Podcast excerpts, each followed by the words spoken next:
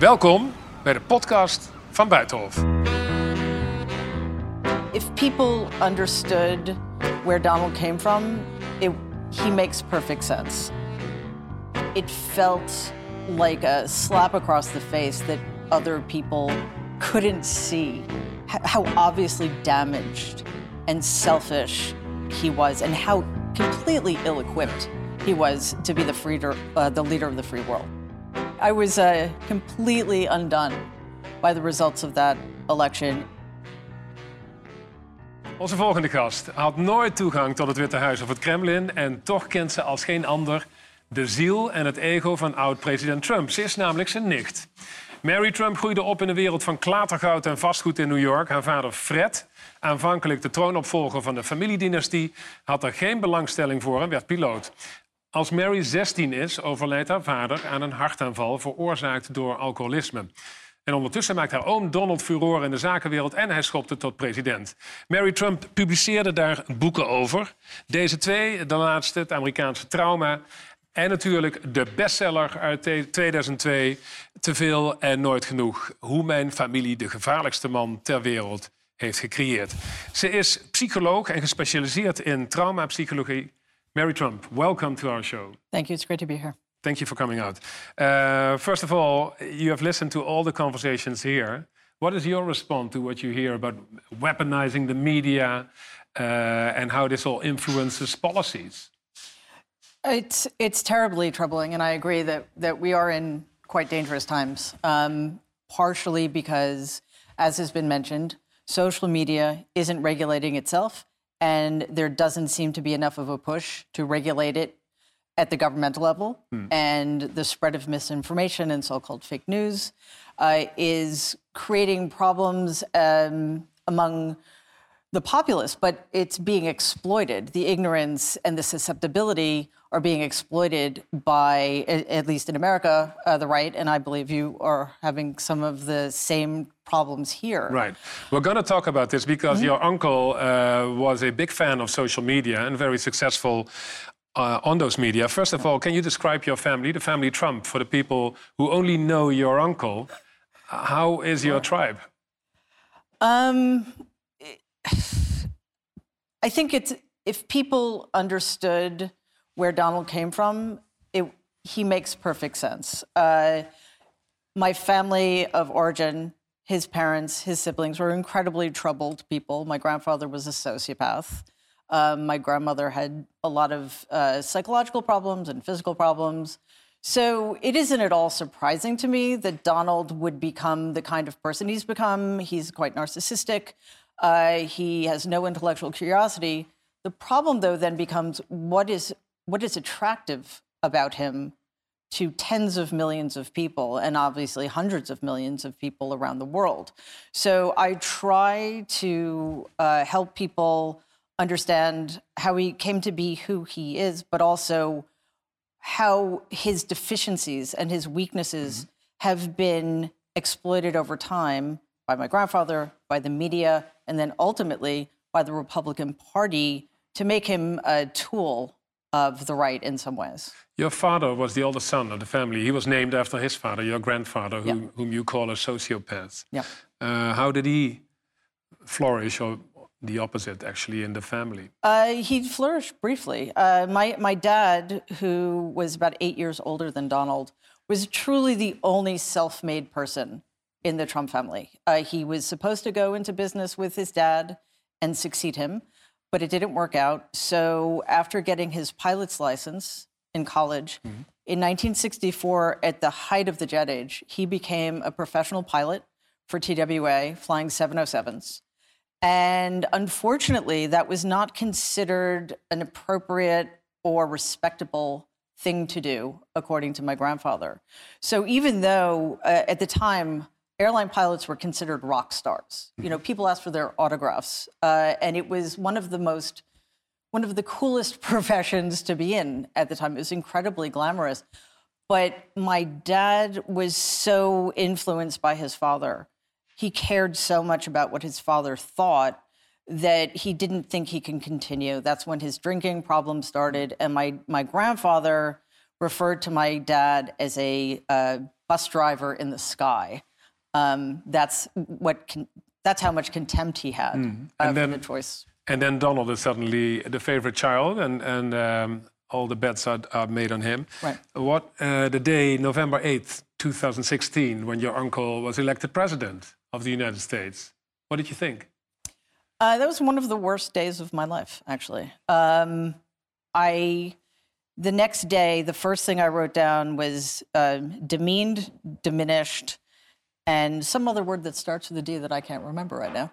But anyway, I was uh, completely undone by the results of that election. It seemed so unjust and so.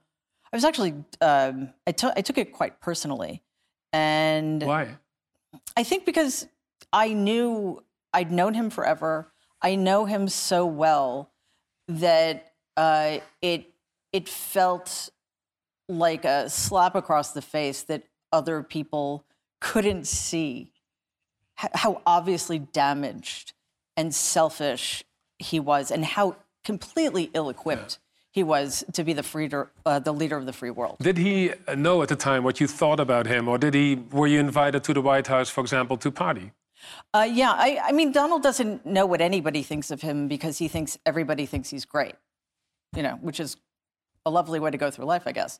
Uh, but yes, in April of 2017, um, both of my aunts were celebrating their birthdays. So they decided to have the party at the White House. And at the time, I was still close with my Aunt Marianne, who's the oldest child. So I went, and it was. Um, it was an experience I wasn't anticipating ever having. Um, and it was surreal. First, of all, the White House is this beautiful, beautiful hmm. building, but of course, I never thought I would be there. And it was completely obvious. Again, not that I needed any more proof, but it was so obvious that Donald was out of his element. It was only three months into the administration. He was already having problems. I think Michael Flynn had just been let hmm. go. And there, the controversies were already starting with Muslim ban, et cetera.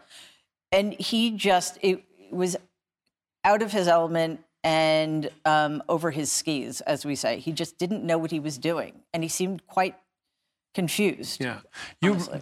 you wrote this book about him that was published in 220, Mm-hmm. and it's um, it's it's uh, terrible. Uh, everything you say about him now is in the book, but also you taped without her, uh, without she knew. Um, telephone in, uh, conversations with Marianne, his Mm-hmm. sister, your aunt. Let's listen to what she told about her brother Donald. Goddamn tweet and the lying. Oh my God, I'm talking too freely, but you know, it is the change of stories, the lack of preparation, the lying, the holy. He's always been this way. I mean, I guess. I mean, he, he he's he, But he was a tough kid, right? He was a brat. Yeah, well, that's what I mean. I don't mean tough at all. They sent him I mean, to a brat, reform or temper but tantrums, I, I whatever. drove him around New York City to try to get him into college. It's uh, unbelievable to hear your family talking about you like this. I mean, it's uh, damning. It's it's uh, terrible. Uh, Yeah. She didn't know that she was being taped. Did she ever respond to what you did to, to her? No, I, I, we are, I was actually sitting at her dining room table. Um, and I, I, didn't, I didn't do this lightly, um, but I was working with the New York Times at the time um, for their uh, brilliant investigative report about my family's finances. And I had begun to, it's not that I didn't know who my aunt was, but I don't have a lot of family. So I felt a connection to her. But over time, I realized that, that she, she was dangerous too because she was a federal judge. She could have made a difference potentially in the 2016 el- election. I knew how she felt about Donald. She kept silent. And um, I also wanted to make sure that when the, story broke, and in case that I was outed, in case people understood that I was the main source, that um, I wasn't the only person in my family who felt the way I feel, and she felt the same way too.